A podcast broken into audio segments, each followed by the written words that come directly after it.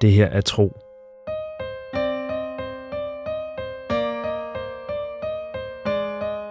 En eventyrlig podcast-fortælling i 55 afsnit.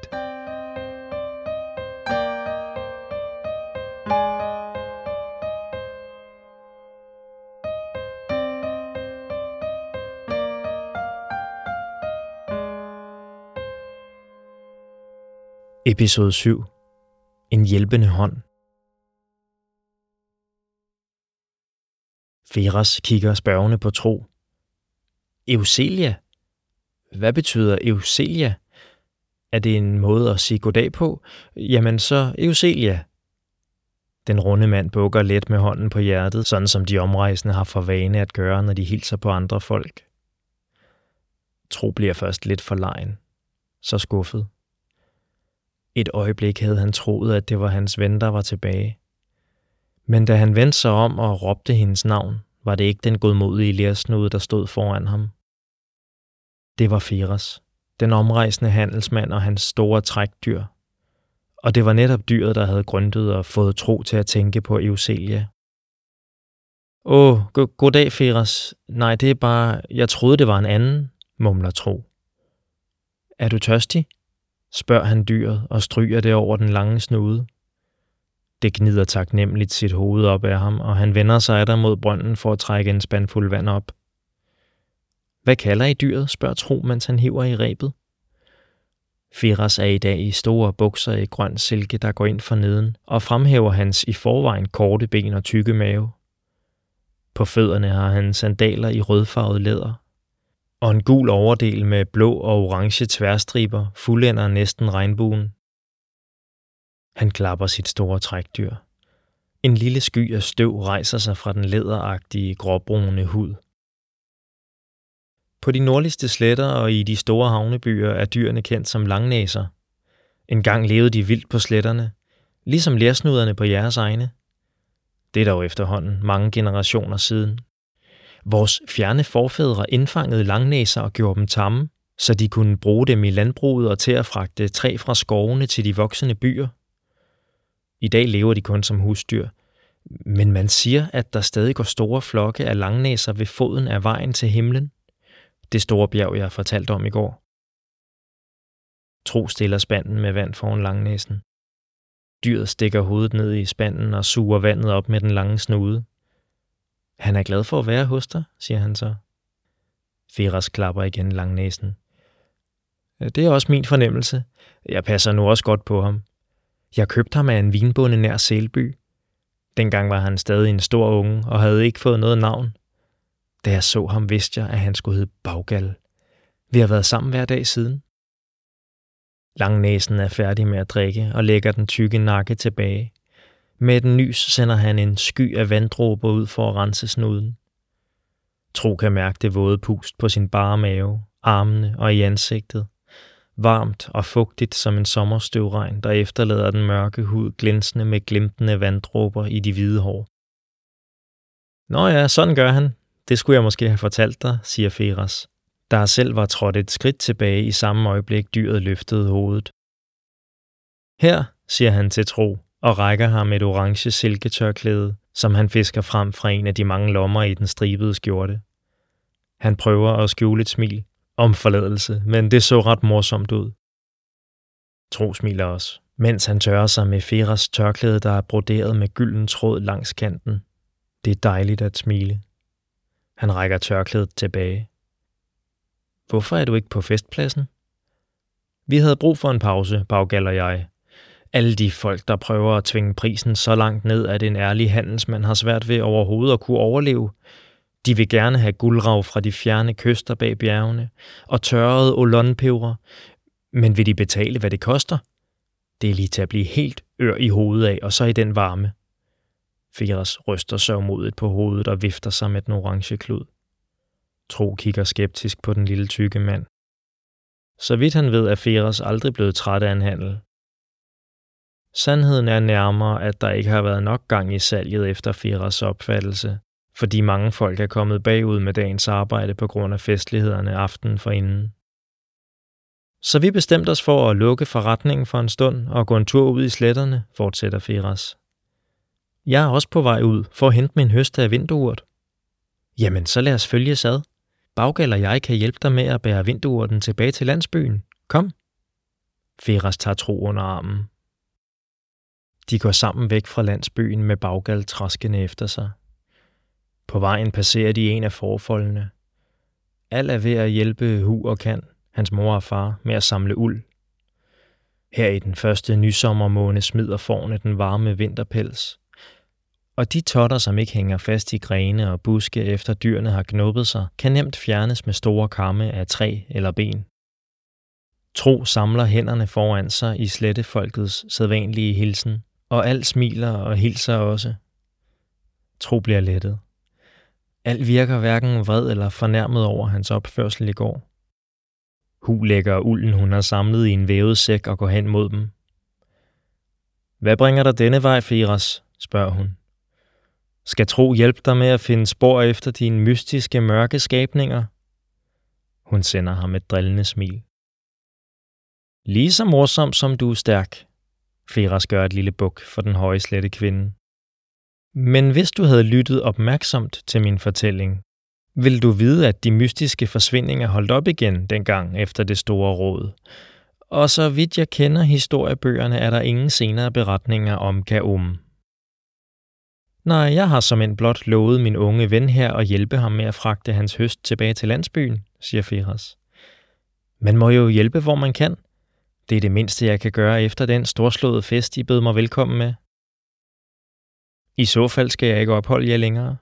Men se nu til, at du åbner for din kære igen, når du vender tilbage. Kan og jeg har kigget på et af dine ravsmykker, og vi er klar til at betale for det med en sæk af den fineste uld. Hun rækker sækken frem mod Feras. En duft af varm foruld stiger op fra den. Feras tager en håndfuld op, mærker på ulden og lugter til den.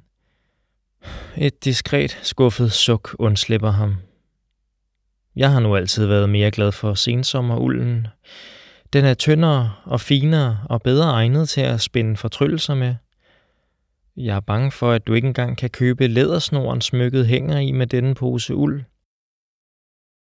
Han lægger uldtotten tilbage i sækken og tørrer fingrene i buksernes grønne silke. Hu lukker sækken og slynger den hovedrystende over den ene skulder. Feras smiler til hende. Men lad os nu ikke tage forskud på fornøjelserne. Til eftermiddag, når middagsheden har lagt sig, åbner jeg min kære, og I vil kunne få alt, hvad I begærer. For den rette betaling naturligvis. Naturligvis, siger Hu og nikker let til afsked. De går videre ud mod sletterne, Tro, Feras og Baggal. Kaum, siger Tro. Han har sagt ordet i sit hoved flere gange siden Feras fortælling ved aftenbålet. Men det er første gang, han siger det højt. Det er et ildevarslende ord, som smager fremmedartet i munden og lyder som de tordenstorme, der brager hen over sletterne i den fugtige midsommermåne. Jeg forstår det ikke, siger han så. Hvis din fortælling er sand, hvis der har levet mystiske skabninger, som fik folk til at forsvinde, hvis hele verdens folk har samlet sig mod en fælles fjende og har haft held til at drive den væk, hvorfor ved vi det så ikke?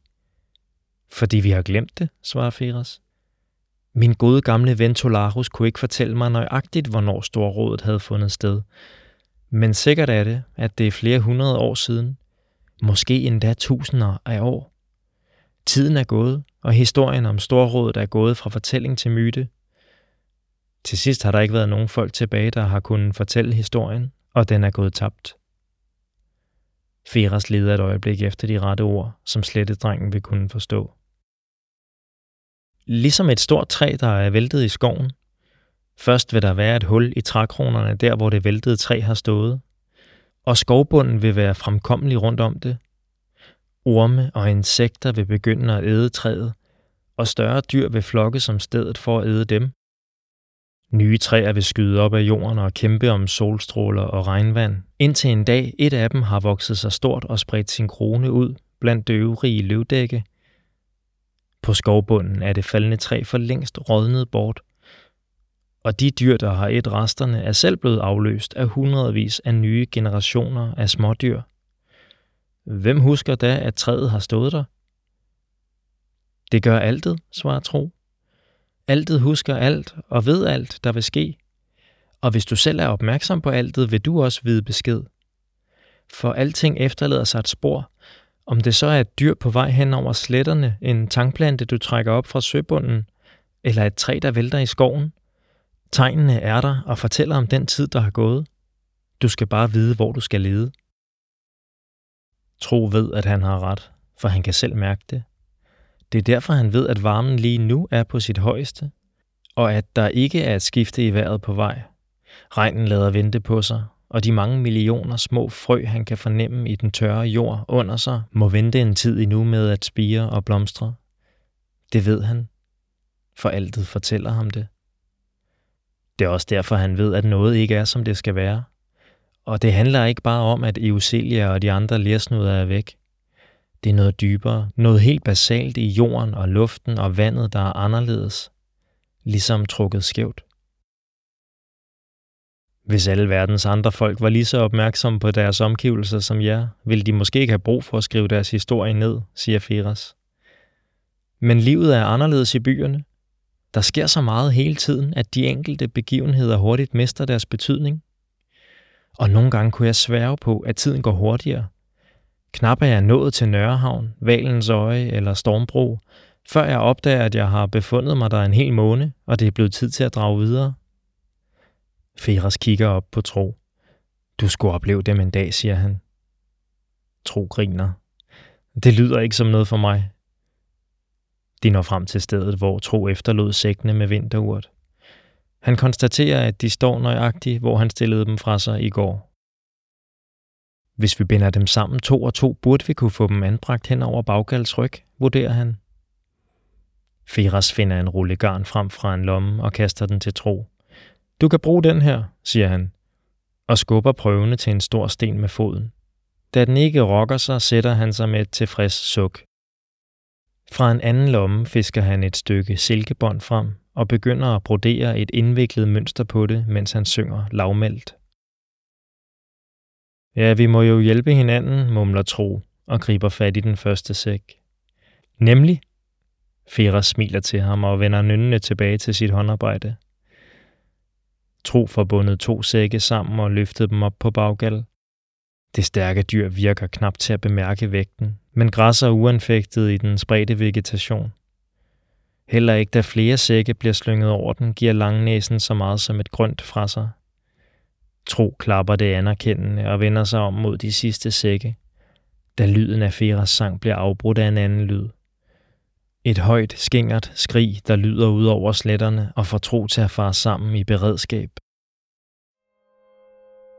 Sådan slutter denne episode af Tro. Se et kort over alle byerne i fortællingen på tropodcast.dk. Her kan du også se Christian Funders flotte illustrationer. Tro er skrevet, indtalt og produceret af mig.